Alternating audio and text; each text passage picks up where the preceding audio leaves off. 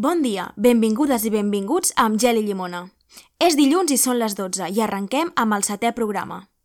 Dos pobles enfrontats per interessos polítics d'estratègia comercial. Un conflicte que ve de lluny i que ha causat grans estralls. El conflicte entre el Sàhara Occidental i el Marroc. Avui ens movem 2.883 quilòmetres i per fer-ho m'acompanyen, com sempre, el Ferran Dalmau i el Bernat Pareja. Som-hi!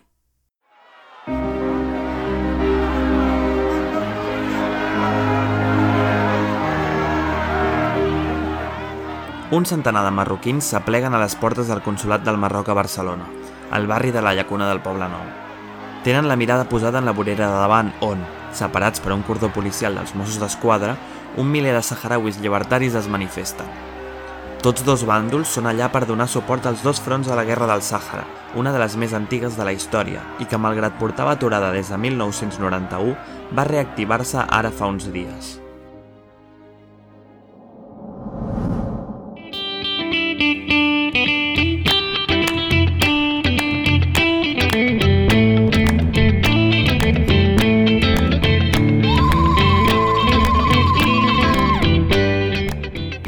Marroc s'estén la zona que es coneix com el Sàhara Occidental.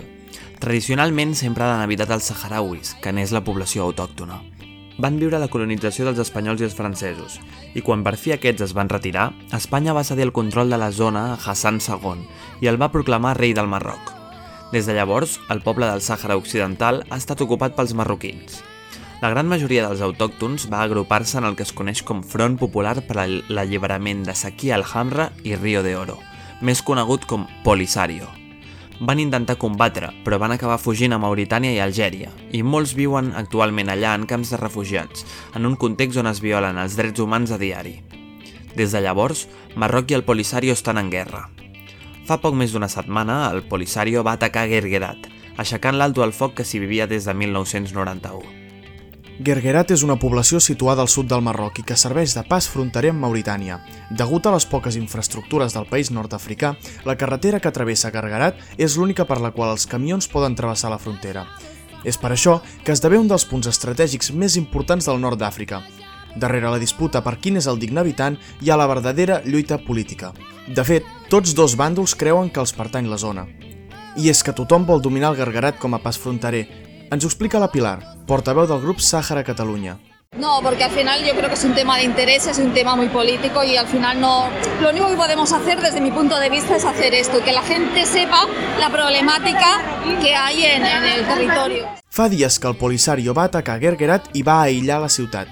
Això ens ho explicava Bousra Salamat, portaveu dels marroquins a la contramanifestació davant el Consolat del Marroc a Barcelona.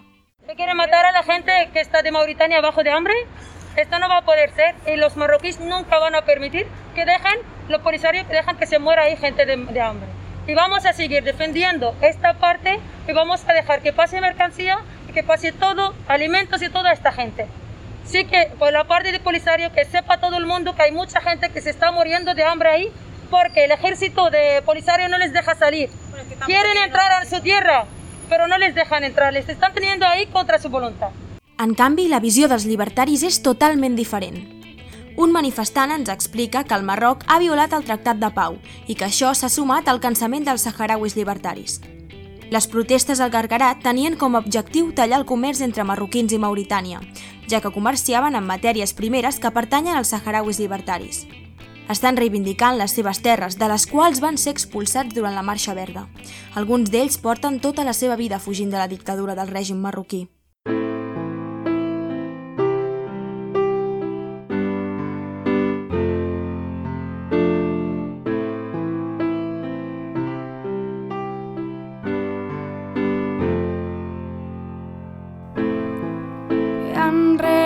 És cas de la Fàtima Mohamed Ali, amb qui vam tenir oportunitat de parlar mentre es manifestava davant del consulat. Ya llegó el momento que ya es suficiente, que España tiene que abrir los ojos, que nosotros somos colonia de España, nosotros somos de origen del Sahara Occidental, de la República Árabe Saharaui Democrática. Somos una población, somos una persona, somos humanos, queremos nuestra tierra libre, queremos que nuestros hijos crecen en nuestra tierra propia.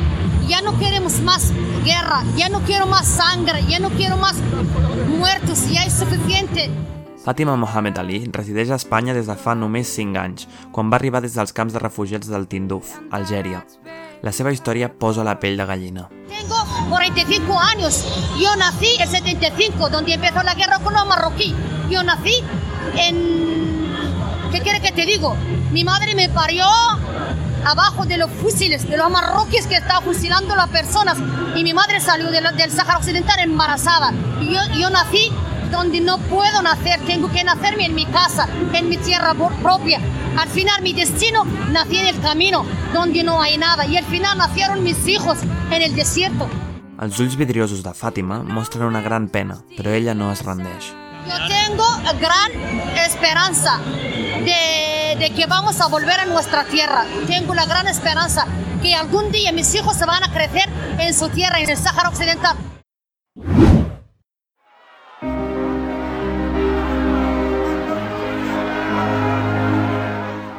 A l'esquerra, els partidaris de la independència entonen càntics cap al rei del Marroc. Mohamed Capullo, el Sàhara no és tuyo. I cap a Espanya, a qui anomenen responsable. Hi veiem dues banderes del Front Polisario, acrònim de Front Popular per a l'Alliberament de Saki el Hamra i Rio de Oro, una organització creada el 1973 per tal d'assolir la independència del Sàhara Occidental. Aquestes banderes només comparteixen espai amb algunes d'altres grups de lliberació secundaris i amb algunes altres de catalanes que s'han sumat a la protesta. A la dreta, els marroquins empunyen la seva bandera roja amb l'estrella verda. Alguns d'ells canten cançons que no agraden a l'altra vorera. Gairebé tots duen la mateixa simbologia de la bandera a la roba, amb xandalls, capes i abrics vermells. El Sàhara és marroquí, le pese a quien le pese, diu una de les pancartes. Un d'ells crida a una dona de l'altra banda. Vete al muro.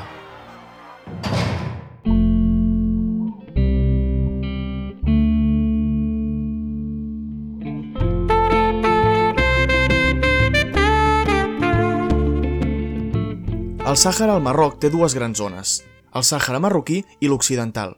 Totes dues pertanyen al Marroc, però l'occidental sempre ha buscat la seva pròpia sobirania.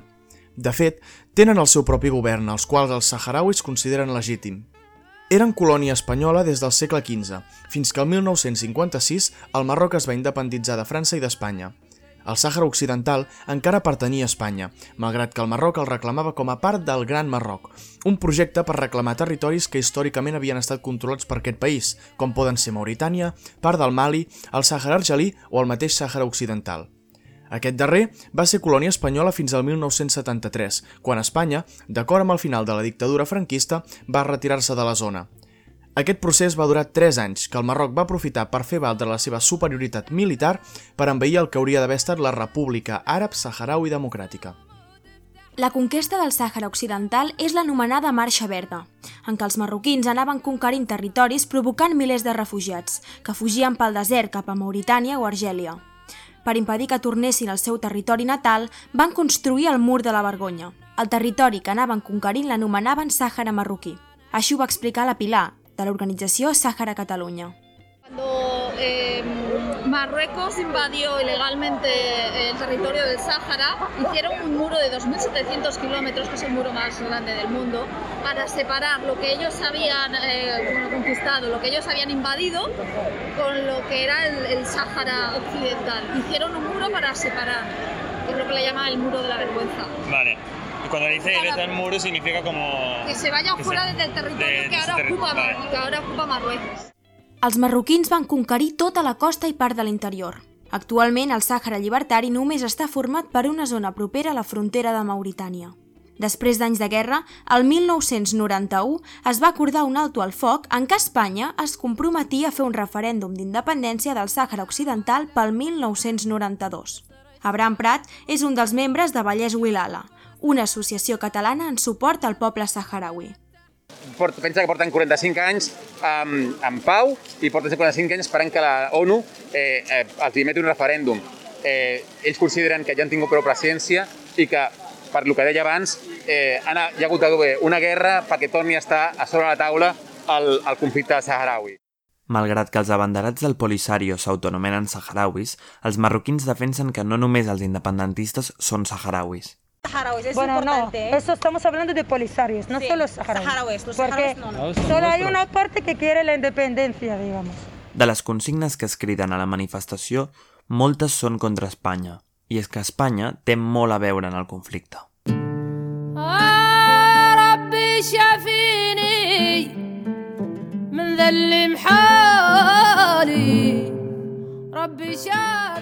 L'any 1912, Espanya i França signaven un acord que atorgava a Espanya un protectorat al nord d'Àfrica que es dividia en dos territoris de l'actual Marroc. La zona nord, on s'incloïen les regions del Rif i Ébala, i la zona internacional del Tànger, i la zona sud, l'actual província marroquí de Tarfaya i la colònia espanyola del Sàhara. Com hem explicat anteriorment, l'any 1973 la dictadura franquista comença a decaure i Espanya descolonitza finalment el protectorat d'Àfrica. Aquest procés va del 1973 al 76. D'aquesta manera, quan es van retirar els últims soldats, es va deixar desprotegida la zona del Sàhara Occidental, el Polisario, que no pertanyia al Marroc. Ja l'any 1976, amb el suport d'una Espanya dirigida pel rei Joan Carles, el Marroc va envair el Sàhara Occidental. A la contramanifestació davant el Consolat del Marroc a Barcelona, un home que es fa dir Hassan Mataró, quan li preguntem pel paper d'Espanya en el conflicte, respon això. España es el culpable de todo. La realidad de esto, tanto, si te fijas, tanto como un RIF y como un Sáhara, porque en RIF ha estado ahí España también, ha metido la mano ahí, y por lo tanto nos dejaron ahí a los dictadores, nos mataron a los rifiños y nos dejaron a Mohamed VI. Y la misma función que han hecho en Sahara, en pueblo saharaui, han hecho lo mismo, mataron a los saharauis, le quitaron la libertad y pusieron ahí a Hassan II para seguir matando y rematando a la gente que quedan ahí. Le decimos desde aquí a España, si de verdad aquí defendéis a los derechos humanos, al gobierno español, que es la hora de corregir los fallos que han hecho el norte de África y en el Sàhara. Parlant amb Hassan Mataró es pot apreciar com el frenetisme d'activista li corre per les venes. Eufòric i molt indignat, recita el seu discurs determinant. Té molt coratge i les idees clares, però darrere d'aquesta façana de duresa també hi ha por.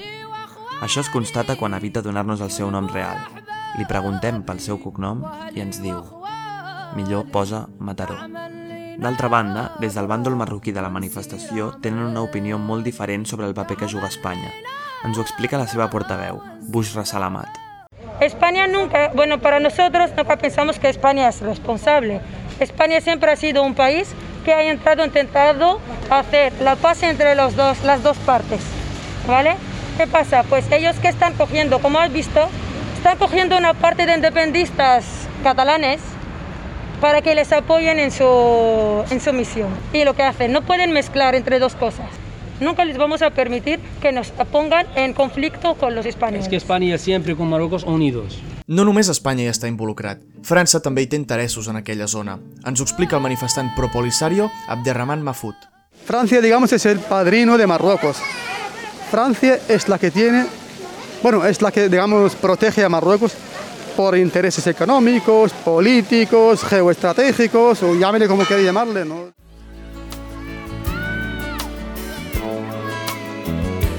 There's a place in your heart, and I know that it is love. And this place is much brighter than tomorrow. Tot i les manifestacions que s'estan fent per tot Catalunya i per molts més indrets, Mahfoud no és massa optimista sobre la celebració del referèndum, com a mínim en la situació política actual.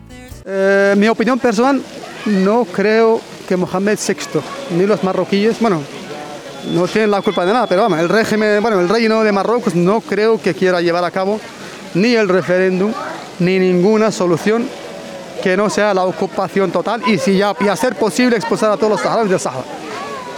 Lo que le interesa es las riquezas y lo que puede sacar del Sahara y punto. Los saharauis, pues cuando más lejos mejor, para él. Volem acabar amb les paraules de la Fàtima Mohamed Ali. Té dos dels seus quatre fills a la guerra.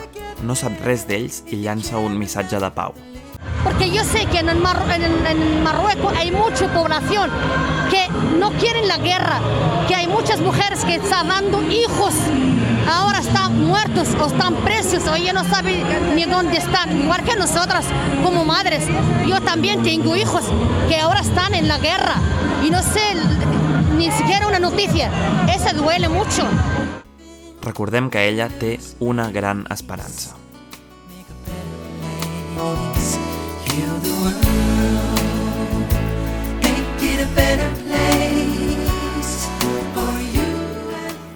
I això és tot l'episodi d'avui.